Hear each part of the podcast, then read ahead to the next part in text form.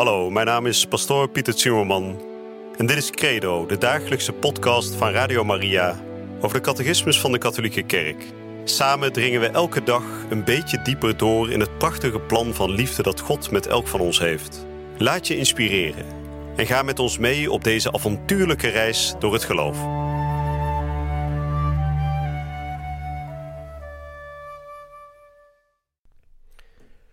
Broeders en zusters, beste luisteraars, van harte welkom bij deze nieuwe uitzending van de dagelijkse catechese hier bij Radio Maria.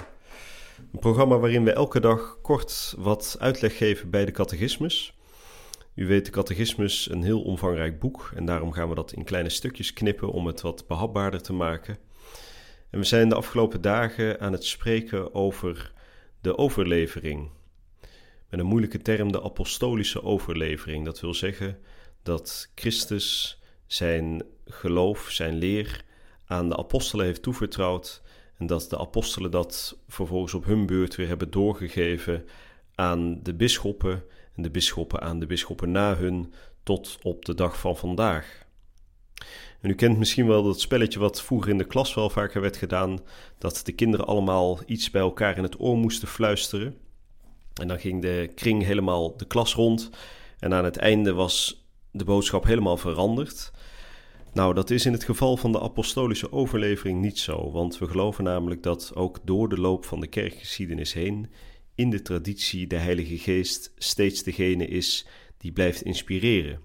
En die ook zorgt dat uiteindelijk de overlevering zoals wij hem kennen dezelfde is als de overlevering die Christus aan zijn apostelen gaf we hebben de afgelopen dagen gesproken over twee manieren van overlevering. Namelijk aan de ene kant de Heilige Schrift en aan de andere kant de traditie. En die twee die zijn nauw met elkaar verbonden.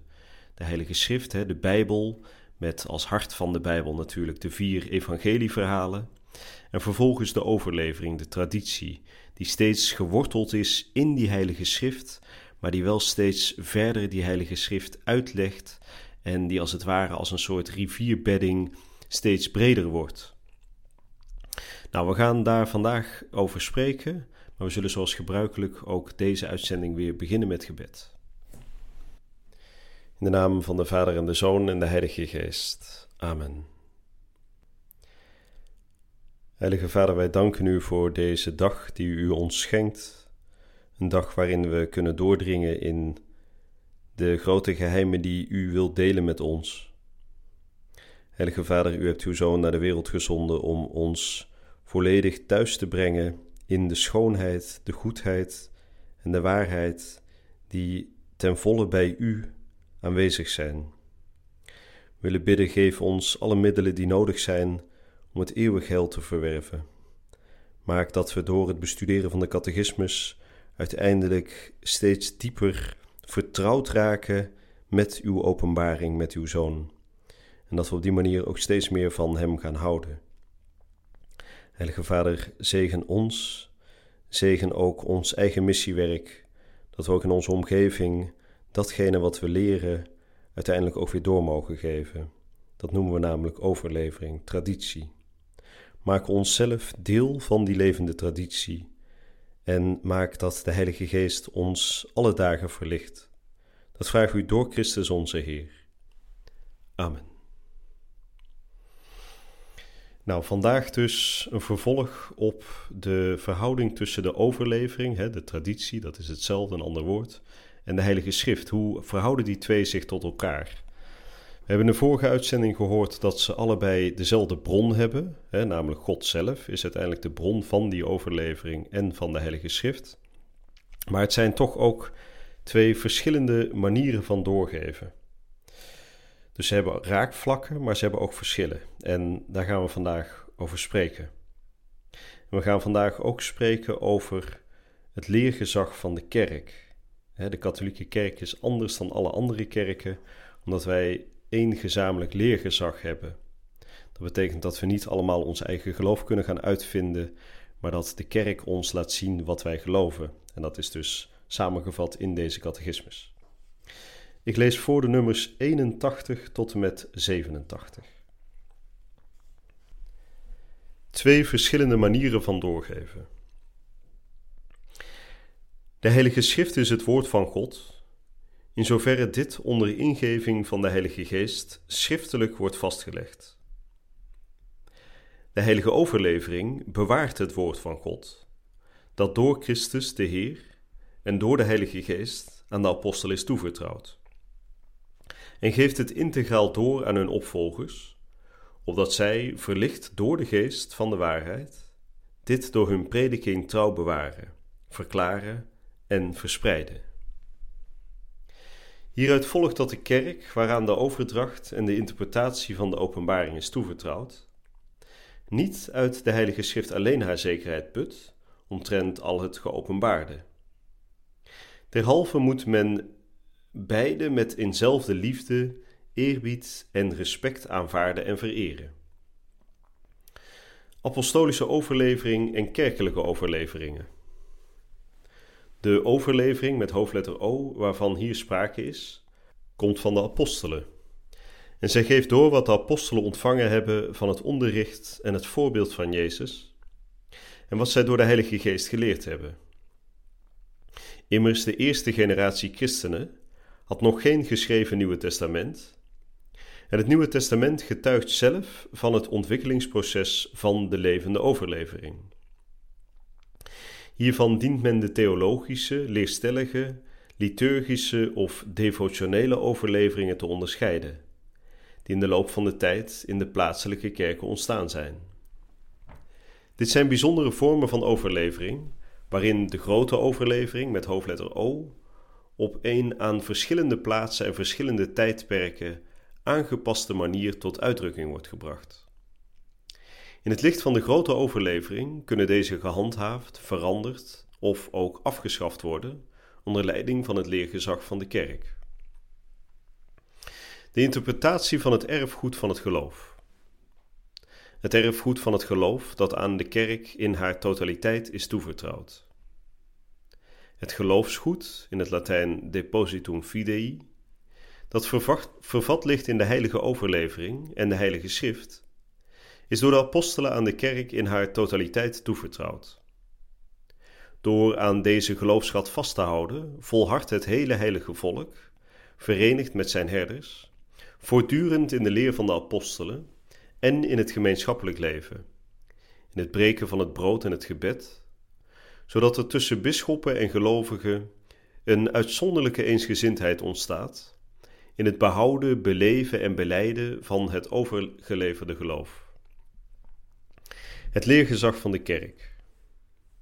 De taak om op authentieke wijze het geschreven of overgeleverde, overgeleverde woord van God te verklaren, is alleen aan het levend leergezag van de kerk toevertrouwd. Dat wil zeggen aan de bisschoppen in gemeenschap met de opvolger van Petrus, de bisschop van Rome.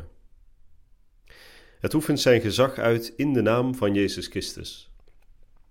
Dit leergezag staat echter niet boven het woord van God, maar is de dienaar ervan door alleen te leren wat overgeleverd is.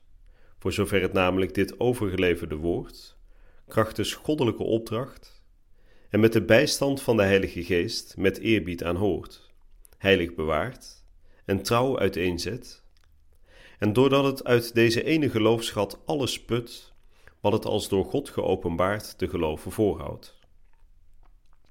Wanneer de gelovigen zich het woord van Christus tot zijn apostelen herinneren, wie naar u luistert, luistert naar mij uit het Lucas-evangelie, ontvangen zij volgzaam het onderricht en de richtlijnen die hun herders hun op verschillende manieren geven.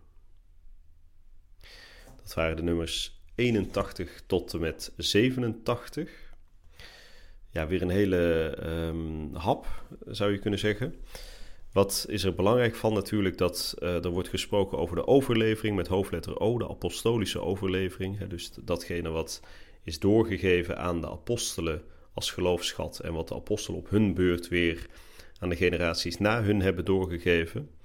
En er wordt gesproken over de verhouding tussen deze overlevering en de Heilige Schrift. En dan wordt er iets belangrijks gezegd in nummer 82, namelijk dat de eerste christengemeenschap, hè, dus de leerlingen meteen uh, na de tijd van Jezus, nadat Jezus weer was opgestegen naar de hemel, dat die nog geen geschreven woord hadden. Dus die hadden nog niet de evangelieën, die werden pas later op schrift gesteld.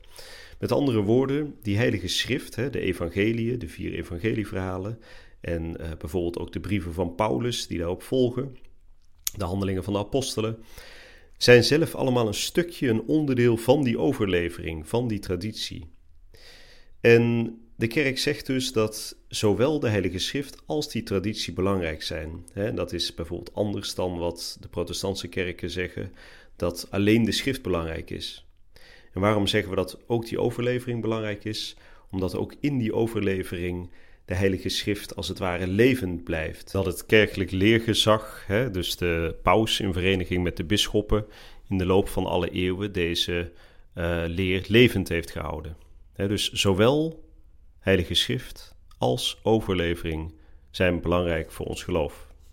En dan wordt er aan het einde nog gesproken dus over dat leergezag van de kerk. Hè, dat dat uiteindelijk um, plaatselijke overleveringen um, kan corrigeren eventueel. Hè, als er in bepaalde landen in de wereld een, een eigen traditie is ontstaan. Hè, dat kan gebeuren, dat dat uh, toch nog steeds in overeenstemming is met de Heilige Schrift en met onze grote traditie. Maar als het daar te veel van af gaat wijken, dan kan dus uh, de paus in vereniging met de bisschoppen daar ingrijpen. Maar, zegt de catechismus, dit leergezag, hè, dus de paus in vereniging met de bisschoppen, staat nooit boven het woord van God. Dus uiteindelijk kan een paus of de bisschoppen kunnen nooit gaan zeggen: um, we gaan dit aanpassen op zo'n manier dat het een aanpassing van de Heilige Schrift zou betekenen. Nou, dat was um, de catechese weer voor vandaag. We zullen bij de volgende uitzending wat meer hierover gaan spreken, en dan met name over de dogma's van ons geloof. Ik hoop u hier bij de volgende uitzending weer te ontmoeten.